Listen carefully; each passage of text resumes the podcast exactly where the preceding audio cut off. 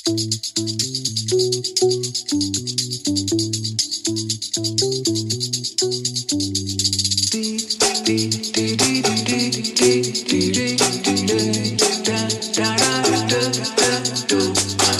tere kuulama, mina olen Uku Nurk. tänases episoodis, millest me räägime siis loomulikult loovkirjutamisest. ma olen sellest teemast niivõrd palju rääkinud, et mul endal on sihuke tunne, et kõigil on juba täiesti villane aga muideks see on ka täiesti tüüpiline, et kui sa teed reklaami, siis on sul selline tunne, et, et, kõik on juba täiesti nõrkemiseni tüdinud sinu reklaamist. aga ikka, ikkagi veel on keegi, kes ei tea ja ei ole kuulnud sellest sinu valdkonnast ja sinu teemast. täpselt samamoodi, kui mul on ka selline tunne, et väga paljud turundajad on need, kes ei ole kuulnud üleüldse mm, loovkirjutamise teadmisest ja oskusest ja sellest, kuidas tuleb üldse loovkirjutamisesse suhtuda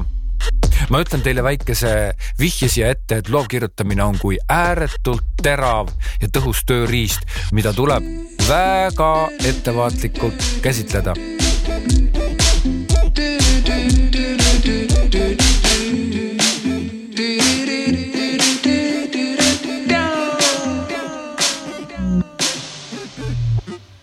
Nii, aga tänase teema juurde eelmises episoodis ma lubasin, et me järgmises episoodis siis ehk siis praegult räägime influencer itest, aga ju ma siis veel ei ole valmis selle teema käsitlemiseks. ja võib-olla ma pean veel koguma informatsiooni ja tegelikult ma otsin ka ühte inimest kedagi, kes oleks kursis suure ilma influencer itega ja inf influencerlusega ja kõigega, keegi, kes oleks nagu fänn,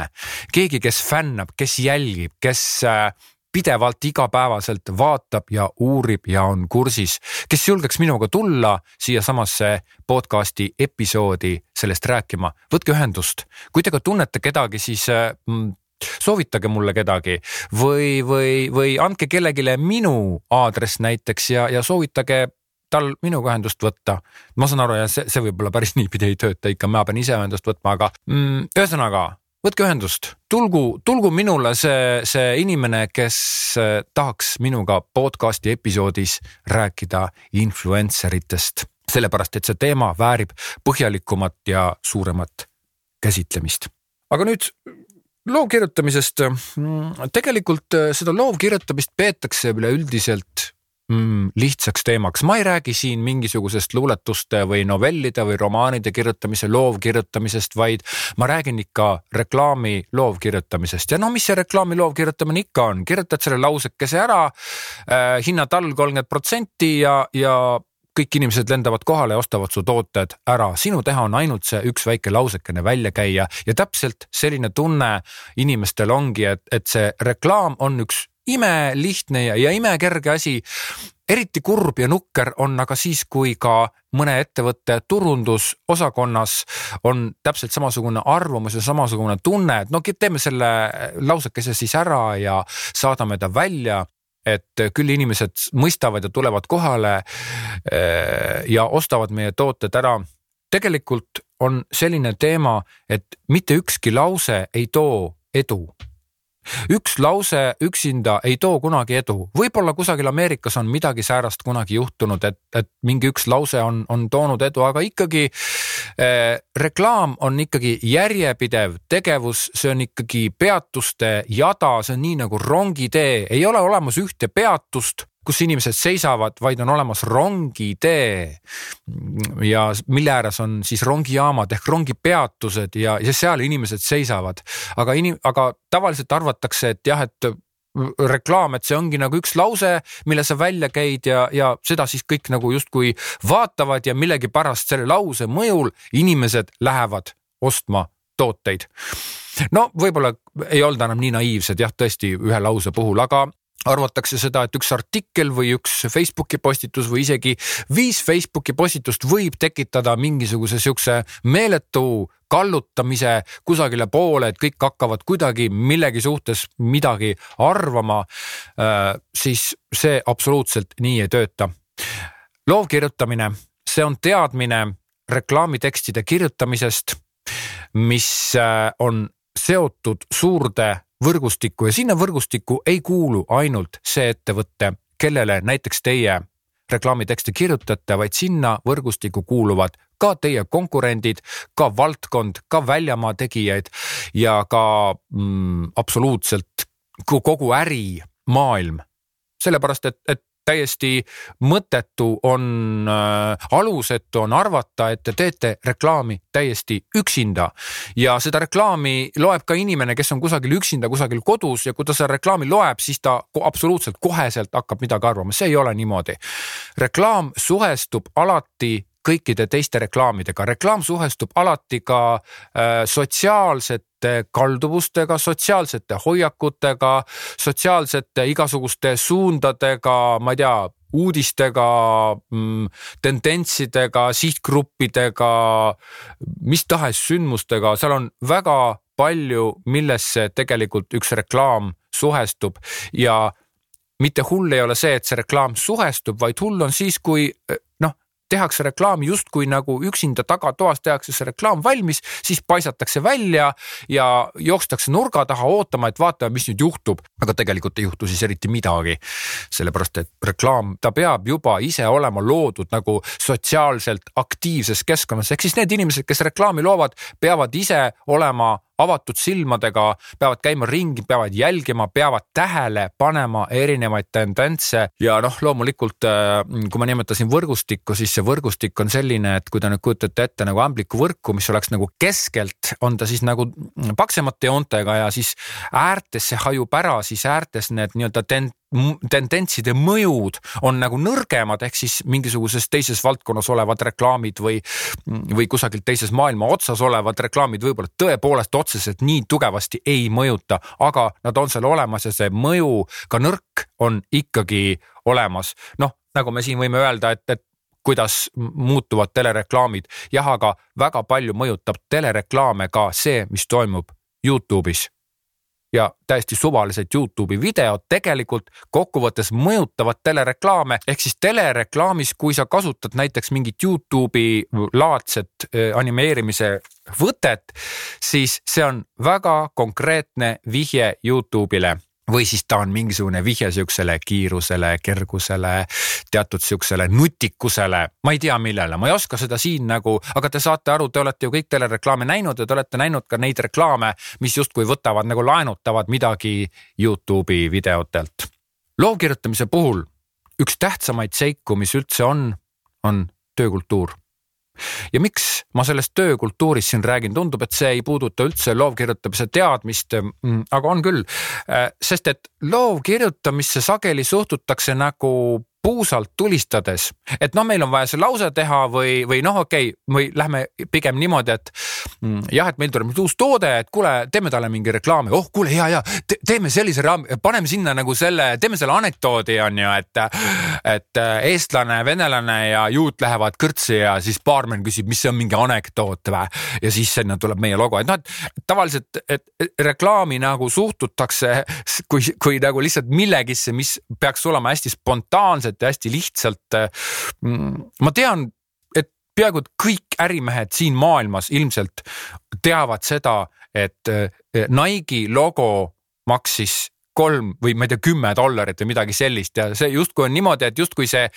see, mis Nike täna on, mida ta kasutab, justkui see maksis kolm dollarit, aga tegelikult noh, ei saada aru ju sellest, et mitte Nike'i bränd ei maksnud kolm dollarit, vaid see logo joonistamine, aga selle Nike'i nii kuulsaks tegemine, kui ta täna on, maksis ma ei tea, kui palju, lihtsalt see logo oli seal alguses, täpselt sama äh, teema on ideedega ega siis mitte ükski idee ei ole nagu midagi sellist, mis, mis iseenesest on niivõrd nagu räigelt hea, ega ka ükski lause ega ükski sõnakasutus ei ole nagu niivõrd hea, et ainult kui sa seda kasutad, et siis sa juba kohe oledki kuulus, sa saad nagu meeletult palju müügid tõusevad, kõik on nagu kohutavalt, kohutavalt, kohutavalt hästi, sa saad ratsarikkaks ja sa võid selle ühe lausekese saada, no mis see lausekese kirjutamine on, noh mingisugune, no ütleme tund, kümme euri tund, noh nii nagu ehitajal, eks ole, okei okay,, kaksteist euri. ja no mis sa seda lausekest mõtled siis? no tund aega, ei mõtle tundigi, pool tundi, no viis eurot, eks ole. siis äh, tegelikkuses on äh, siin tegemist puhta töökultuuriga. esiteks on see teadmine, kuidas üldse loovkirjutamise teenust tellida, no me ei saa, me ei ütle loovkirjutamise teenus, me ütleme ikkagi, kas siis reklaamiagentuuri teenus või siis teeb keegi freelancer midagi või. ja teine teadmine on siis see, et kuidas seda teenust või kuidas seda tööd üldse teha ja seda nimetatakse töökultuuriks. muideks reklaami puhul on ka reklaami tellimine on täpselt samamoodi osake sellest protsessist, osake sellest kultuurist ja, ja osake sellest teadmisest. Ehk siis reklaami tellimiseks sa pead ka ise teadma, mismoodi reklaami tellida ja loomulikult sa pead ise ka seda teadma, et millised etapid on reklaami tegemisel ja, ja millised etapid on, on seal tellimisel ja tellijaga suhtlemisel või siis jälle tellija poolt vaadates, et, et millised etapid on siis nagu, millal sinu poole siis pöördutakse ja milliste soovide ja milliste asjadega ja, ja, ja kuidas siis ja millist sisendit pead sina andma ja, ja üldse, et millised on need koostöövõimalused, et see tegelikult, see on kõik töökultuur. ja, ja töökultuur tähendab omamoodi samamoodi ka seda, et, et noh, kui see oligi siis see koosolek, kus äh, öeldi, et kuule, et meil on nagu see uus toode, oleks vaja tal mingi nagu reklaam teha, ma ei tea, mis me teeme siis. et noh, siis tegelikult see ongi see, et töökultuur tähendabki seda, et kõigepealt vaadatakse üle, et milline on selle toote positsioon, milline on selle toote omadus millised on konkurendi tooted, mida konkurendid räägivad omaenda tootete kohta, millise, milline on maailmas see toode, mida maailmas räägitakse, see tundub nii kauge, nii mõttetu, aga tegelikult see on kohutavalt tähtis ja küll nõrk on see mõju, aga see on siiski olemas. ja täpselt nii nagu kõik Eesti toiduainetootjad jälgivad pidevalt väljamaal toimuvaid toiduainetrende nii tegelikult täpselt samamoodi peaksid nad jälgima ka reklaame, mida tehakse väljamaal, mida öeldakse reklaamlausetes, mismoodi räägitakse ühest või teisest asjast, et tegelikult äh, meil on siin jah, ütleme see nõukogude aeg natuke keeras meil nagu asjad tuksi selles mõttes, et nüüd see meie põlvkond, minu põlvkond, no mina olen praegu viiekümne aastane, viiskümmend üks tegelikult jah, siis noh, meie põlvkond ikkagi pidi nagu täiesti nullist alustama, et, et meil jah, nii-öelda see teadmised tõmmati kõik maha ja nüüd me ega, ega, ega see teadmine ei ole ka niimoodi, et ma, et ma saan selle teada ja siis ma tean seda, vaid see on, see on, see on tõesti, see on kultuur. ja kultuur tähendabki seda, et see on terve teadmiste pagas, mida sa pead intuitiivselt juba täitma ja loovkirjutamine on ka äh, seotud väga pikkade traditsioonide ja väga põhjaliku ja väga keerulise töö kultuuriga. ma olen tegelikult praeguste noorte peale jube kade, sest esiteks nad saavad niivõrd palju, niivõrd head teadmist ja nemad on juba oma stardipositsioonilt palju paremal tasemel, nad suudavad palju paremini teada ja, ja, ja teha näiteks reklaame, eks ole, noh, mina ju reklaaminduses, reklaamiringkondades käin ringi. et, et siin mida need noored kõike saavad ja teavad ja nad juba ka ei pea nagu kõiki asju õigesti tegema, loomulikult nad on noored, loomulikult nad eksivad, aga ikkagi nende nii-öelda stardipositsioon, nende lähteseisukohad on juba niivõrd palju paremad ja, ja õigemad, kui nagu meil omal ajal oli. kuid mida see töökultuur siis nagu päris füüsiliselt tähendab, te nüüd tahate küsida, et nagu räägi siis ära, et mis siis värk on? see on nüüd väga mitme tegevuse järjestikune mm, protsess, ma ütlesin valesti äh, nagu järjestikune protsess, mis hõlmab teatud tegevusi, mida tuleb teatud järjekorras teha. et, et ei saa kohe niimoodi, et kõigepealt mõtleme lause välja, siis pärast vaatame, et või, või siis põhjendame ära, et kuidas ta sobib nagu siis sellele tootele või sellele teenusele. või mõtleme välja mingi reklaamikampaania, ma ei tea, visuaali ja, ja sõnumi ja siis pärast mõtleme, et kuidas ta sobib või, või tegelikult teeme väikese muusikalise pausi siia vahepeale.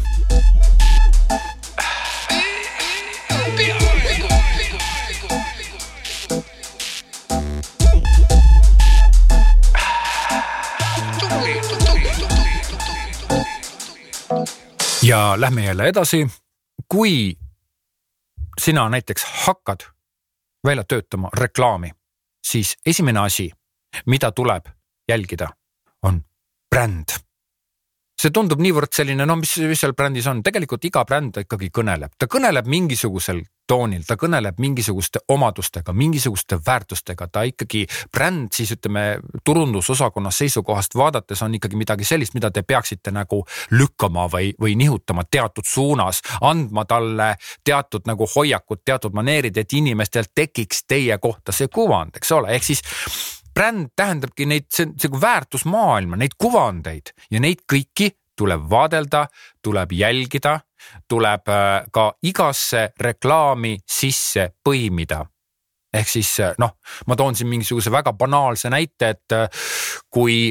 ettevõtte sihuke toodete või, või teenuste või põhisõnum on nagu glamuurne, elitaarne, äge, siis sa ei saa öelda, et, et tule kohale, meie kevadkollektsioon on kohal.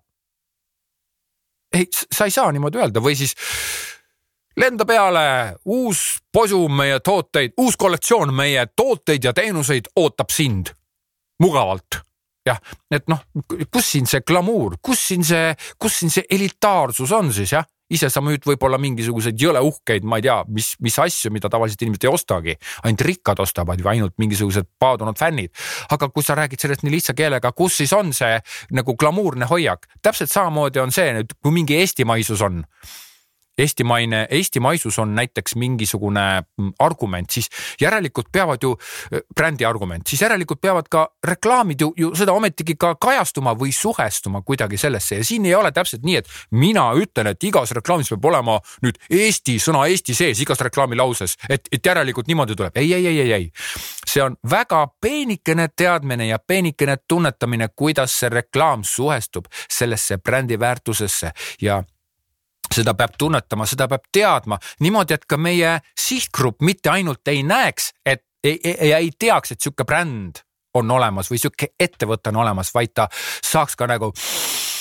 hingata seda meie brändi ja tunnetada, et igas tükikeses on sees see brändi tunnetus, eriti reklaamides mis on mõeldud ju ometigi massidele, jah. reklaamid on ju mõeldud massidele, need ei ole mõeldud nagu kolmele inimesele või, või reklaamide puhul ei saa ju keegi ütelda, et sa pead istuma üksinda toas ja lugema reklaami ilma sellest kellegi teisega rääkimata ja, ja siis on see reklaam, ainult siis võid lugeda reklaami. reklaami ju vaadatakse ikkagi nagu sootsiumis, eks ole. ta on mingisugune ühiskondlik selline nähtus. teine asi, mida sa pead jälgima, on valdkond. vahest on siin süüdi jah, reklaamiagentuurid, et reklaamiagentuurid tavaliselt kui ettevõtja või ütleme siis äh, tellija, klient nagu reklaamiagentuuri jaoks, klient on siis valdkonnas sees, siis agentuur vahest äh, omades väga suurt müügioskust ja müügijõudu ja sihukest võlu ja šarmi, kuidas nad suudavad asju selgitada, ei ole ise päris hästi kursis sellega, milline see valdkond on. nii et see, kes teeb, kes kirjutab nagu reklaamtekste, see, kes seda loovkirjutamisega tegeleb, ta peab seda valdkonda tunnetama. ta peab seda tunnetama mitte ainult niimoodi, umbes, et, et noh, et äh, jah, ma tean, et äh, noh, näiteks äh, autot remontides on sul käed mustad aga, aga tähendab, mismoodi need käed mustad on, mis lõhn nendel kätel on, mismoodi need käsi puhtaks saab, kas äkki kasutavad autoremondimehed kindaid, muideks, kas autoremondimehed kasutavad kindaid? Ah, mis te arvate või ei kasuta? oleks ju loogiline, et nad kasutavad, kuna see on ju õline ja kinnastega oleks see palju parem. no vot, näiteks sihuke asi ja ma ei vastagi sellele küsimusele. ma arvan, et ma tean seda vastust, aga see on täpselt sihuke asi, et kui sa ise ei ole autoremondimees, siis sa praegult hakkasid ka mõtlema, et aga võib-olla tõesti nad kasutavad kindaid no vot, aga siit me nüüd näiteks läheksime edasi ja näiteks paigutaksime mingisugused kindad autoremondimeestele mis sa seal muidu tead, käed tabotised, eks ole, kasutad, pesed pesupulbriga, pesed siis käsi. pane parem kindad kätte. aga tegelikult autot remontides kindaid väga paljud autoremontijad ei kasuta ja siin ongi see põhjus, et nad ei saa muidu,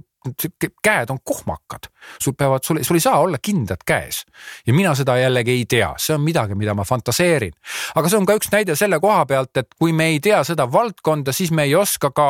mm, väga täpselt pakkuda seda, mismoodi ja mida tuleb kommunikeerida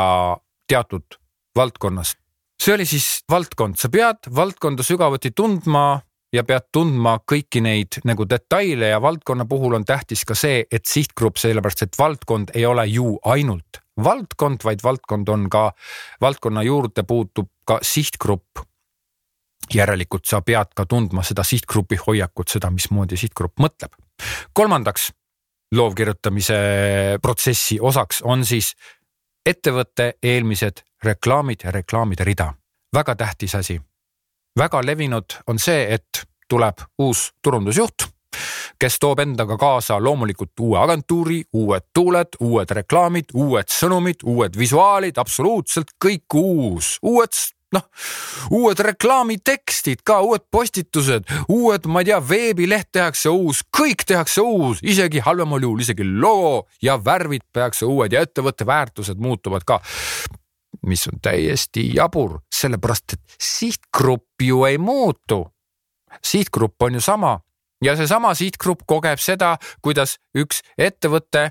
kellel millegipärast on probleeme töötajatega, sealhulgas ka turundusjuhiga, üks ettevõte, see ettevõte kogu aeg nagu vahetab mingeid oma, oma siukseid sõnumeid ja asju ja vahest on inimesed isegi juba harjunud sellega, et noh, nad ongi nagu erinevad, aga see ei ole ju selline hea harjumine, vaid see on midagi, millega inimesed on lihtsalt nagu nad teavad, et see nii on ja kõik. Väga oluline on see, eriti kui sa oled keegi selline, kes tegeleb loovkirjutamisega olukorras, kus sa pead nagu lihtsalt ühel päeval istuma maha ja hakkama kusagil mingisuguses olukorras tekste kirjutama kellelegi mingisugusele ettevõttele, keda sa esimest korda näed, esimest korda kuuled ja sa pead järsku hakkama temale reklaamitekste kirjutama, siis, siis tegelikult mm, on sinu esmane ülesande äh, vaadata siin puhul kolmanda punkti puhul jah, siis äh, mida on eelnevalt see ettevõte reklaaminud, kuidas ta on reklaaminud, mismoodi on ta on öelnud, millised on need sõnumid, millised on need väärtushinnangud, mida ta on äh, endas hoidnud mida need reklaamid on edasi andnud, milliseid värve, sõnumeid, sõnu, kanaleid, reklaamikanaleid, milliseid lahendusi on kasutanud, et noh, kui mm, vahepeal on, et, et hirmus ollakse sihuke nooruslik ja siis järgmine reklaam tuleb juba õudselt sihuke vanainimeselikult küpse ja, ja väärtuslik, siis jällegi see jätab väga nagu segase sõnumi ja see tähendab ka seda, et kokkuvõttes sa jätad ka sihtgrupile endast segase sõnumi, ehk siis mida vaja öelda, seda aga ütled, et et eh, noh vot ma kogu aeg mõtlen, et, et kui mingisugune optikaprillipood müüb, et, et täpselt nii palju, kui on sinu vanus, on ka sinu allahindluse protsent, et noh, et huvitav, aga kuidas ta siis noortele müüb prille jällegi, järelikult, kas tal peab siis noorte jaoks olema mingisugune, mingisugune teistmoodi reklaamirida, ma ei tea seda. igal juhul kui jällegi sina näiteks täna peaksid istuma maha ja hakkama kirjutama sellele samale prillifirmale reklaame, siis sa pead väga täpselt jälgima ja saama aru, et aga ta on neid, sinu vanus on sinu allahindluse protsent, ta on neid reklaame juba eelnevalt teinud, järelikult sa ei tohi siia ka mingisugust absoluutselt muud asja praegusel hetkel pakkuda. vahet pole, kas see sulle meeldib või see sulle isiklikult ei meeldi. muideks ka äh, nagu copywriter'id ja üldse reklaamikirjutajad, kes reklaamitekste kirjutavad, väga ohtlik on nende isiklik hinnang ja arvamus ah,. see on nii nõme. no mis siis, et ta nõme on, aga kui see toob mingisugust tulu, siis ta on ju absoluutselt õigustatud, nii et see isiklik hinnang siin puhul peab jääma tahaplaanile ja peab suutma suhestuda niimoodi, et see uus reklaam, mille sina lood, kuidagi hoiaks kinni nendest eelmistest reklaamidest ja sellest reklaamireast. et nüüd võiks öelda, et aga see ongi ju kõik bränd. jah, see on bränd, aga mismoodi need reklaamid oma sellist, reklaamidel on ka oma rida, et võib-olla isegi reklaamidel võib öelda, et on isegi oma bränd, eks ole. aga mismoodi nad sellest kinni hoiab, hoiavad, et see on ka väga tähtis. neljandaks, konkurendid. kui sa kirjutad loovtekste, siis kohutavalt oluline on see, et mida teevad konkurendid, kuidas nemad ennast väljendavad, sest kõik konkurendid ju teevad reklaame mitte selle jaoks, et olla täpselt samasugune teistega, aga et eristuda. Ja ka sina pead reklaame tegema selle jaoks, et sinu ettevõte või sinu klient ikkagi eristuks oma konkurendideks, mitte ei samastuks nendega. väga levinud on see, mismoodi tellitakse raadioreklaame, kus võetakse täpselt üks hääl, täpselt ühe maneeriga loetud, täpselt ühe sama, sama sõnastusega mingisugune sama stuudios tellitud ja konkurentide need reklaamid tulevad ühte jutti, nii et kokkuvõttes, kui sa ei keskendu väga täpselt, ei kuula raadiost, milline reklaam nüüd tuleb, siis erinevad isegi konkurentide reklaamid vahest tulevad järjest sama häälega loetud, samalaadsed sõnumid ja noh, et ma ei tea, siis mina, mina ei saa aru, mis mõte sellel on, aga mõnedele inimestele meeldib olla hästi sarnane ja mitte eristuda. ühtepidi on see õige, sellepärast et sa ei tee ka midagi täiesti võõrast, aga teisipidi liigne sarnasus on puhas tapeet ehk siis, mida teevad konkurendid, sa pead kuidagi suhestuma konkurentide sõnumitesse ja brändidesse ja väärtustesse ja, ja, ja konkurentidega on see halb asi, et tegelikult sihtgrupp on ju sama. Ja, ja konkurendi kliendid võiksid ju kõik tegelikult ka sinu kliendid olla, on ju, ja veelgi parem, kui nad tuleksid sealt konkurendi juurest üldse ära, on ju, ja tuleksid sinu juurde jah, järelikult sa tahad ju neid konkurente, konkurendi kliente saada, jah. aga sihukene liigne nääklemine, et noh, et nüüd, kes ütles, et noh, et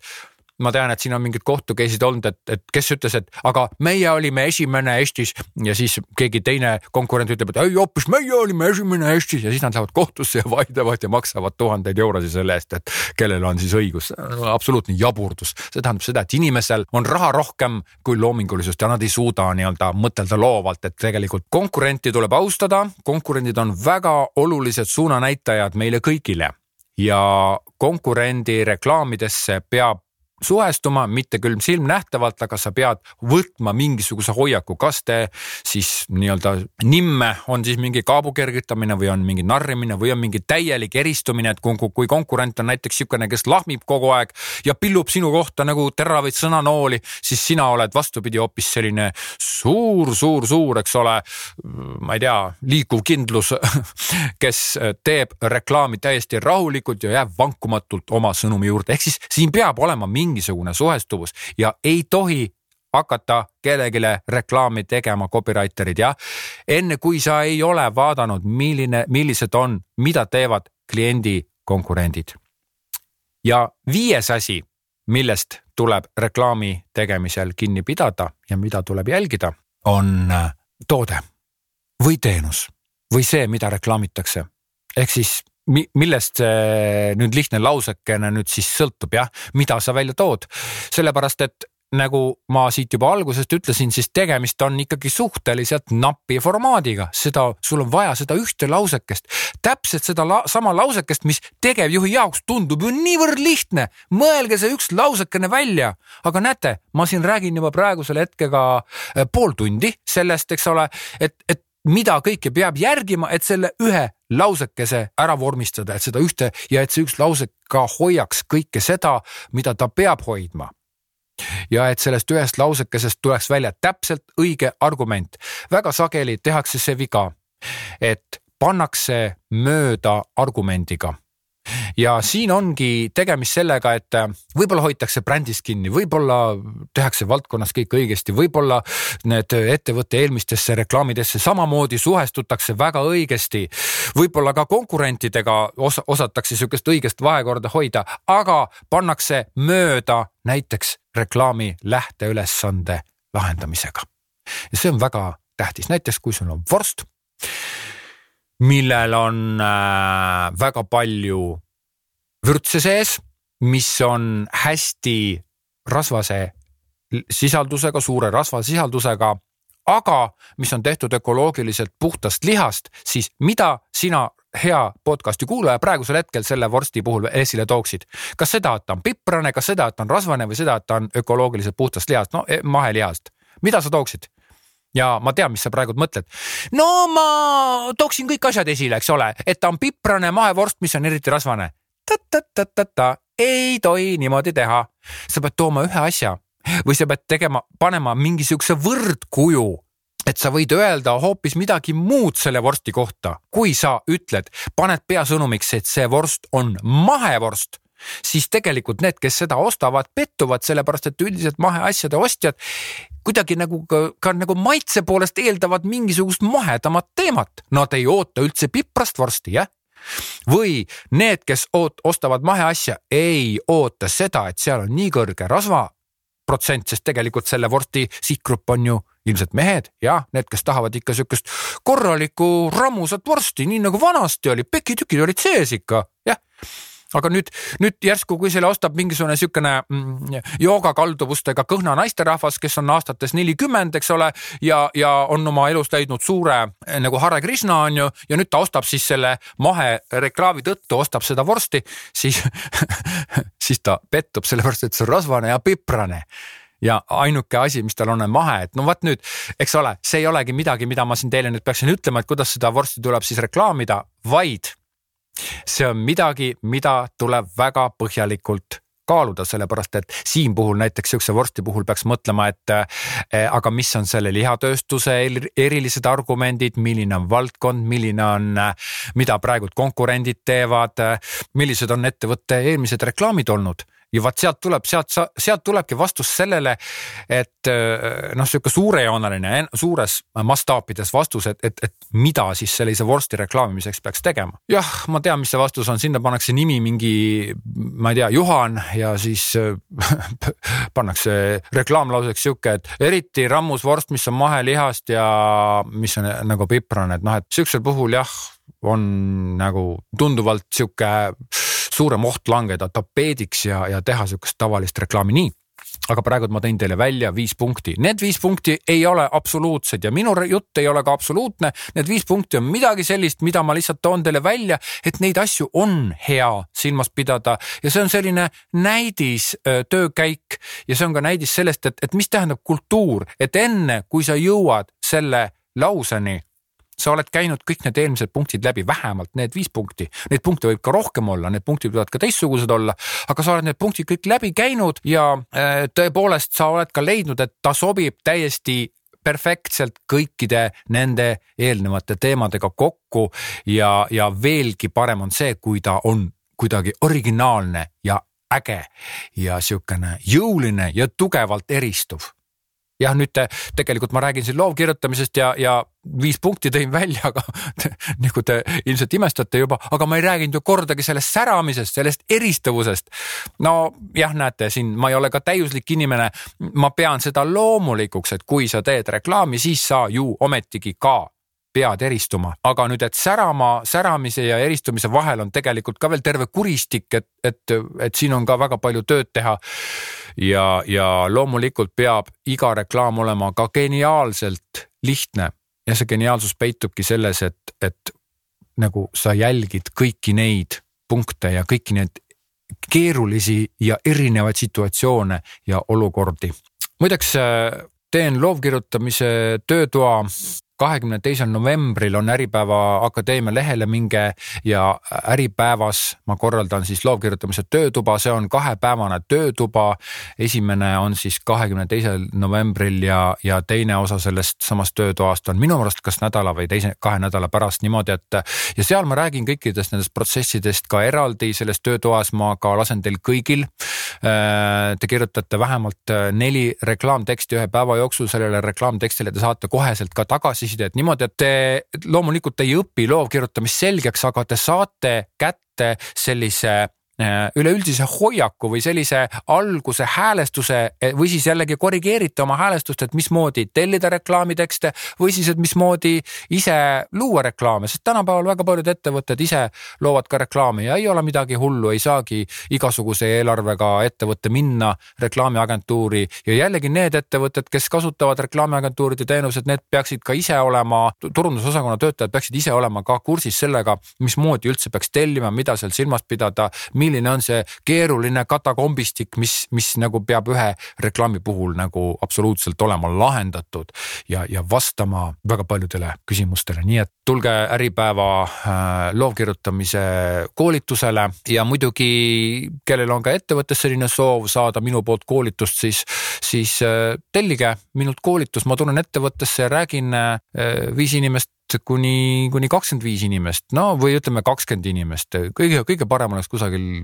kümne ja viieteist inimese vahel, eks ole, selline number inimesi, aga tavaliselt turundusosakondades ongi nii palju inimesi, nii et tulge Äripäeva Akadeemia mm, koolitusele mis on, üks on kahekümne teisel novembril, ma usun, et saate ennast veel kirja panna või pöörduge minu poole otse uhu.ee, sealt leiate siis minu aadressi ja, ja saate mulle siit kirjutada ja, ja vaatame need asjad uuesti üle. Mm, ja tuletame meelde, saate ise kirjutada, saate proovida, saate lihvida omaenda loovkirjutamise oskusi. nii, aga praegu ma tõmban selle episoodi kokku endiselt äh, on mul see mure, et ma ei tea, kes tuleb minuga rääkima mõnes järgmises episoodis influencer itest, nendest suure maailma influencer itest. oi, see on põnev teema, ma juba nii tahaksin seda, seda episoodi teha. kui on keegi, kes ennast ära tunneb või kes tunneb mõne sõbra ära, siis kindlasti andke ta üles, andke teada, auhinda ei saa, iPhone'i ei loosi välja, aga äh, see inimene saab koos minuga siis eh, sihuke auhind jah, saab koos minuga siis rääkida eh, podcast'i episoodis juttu oma lemmikhobist, et see influencer ite teema, ta peab olema selline inimene, kes jälgib influencer ite, kes on nagu influencer ite fänn ja kes teab nendest kõike absoluutselt. jaanipäev on läbi ja nüüd on jõulud, ma ühe korra just mõtlesin, et, et jaanipäev ja jõulud, kaks püha siin ongi ja teine neist pühadest on, on kohe lähenemas. kas teil on juba jõuluväsimus, kas te olete juba, tunnete, et juba tahaksite väikesele jõulupuhkusele minna? natuke vara veel, mm, tuleb veel kõvasti tööd teha, enne kui jõulud tulevad. ja kas teil on jõuludeks juba kõik valmis? jõulukaardid, jõulukingitused, kõik tööd jõuavad valmis ilusti. tegelikult väljas on ilus ilm. ilus selles mõttes, et see on sihuke ilus kaamuse ilm et ta võis ka palju halvem olla, ma tean, et Pärnus ja Võrus ja kus oli ka hulka halvem, aga siin Harjumaal on vähemalt esialgu rahulik. ja teiega me kohtume jälle, ma arvan, et kusagil paari nädala pärast ja ilusat sügavat kaamuse aega teile. meil tegelikult tähtaeg oli juba eile, aga noh, saad aru, ma ei saanud ennem aega, ma ei saanud sulle rääkida ja tegelikult va vaata, vaata ise informatsiooni, vaata ise uuri nagu taustainfot natukene ja kirjuta ära, ära mingit jama tee, eks ole, kirjuta kohe mingi normaalne tekst. kirjutama, suunama, väljendama jah, tegema ja paigutama, paugutama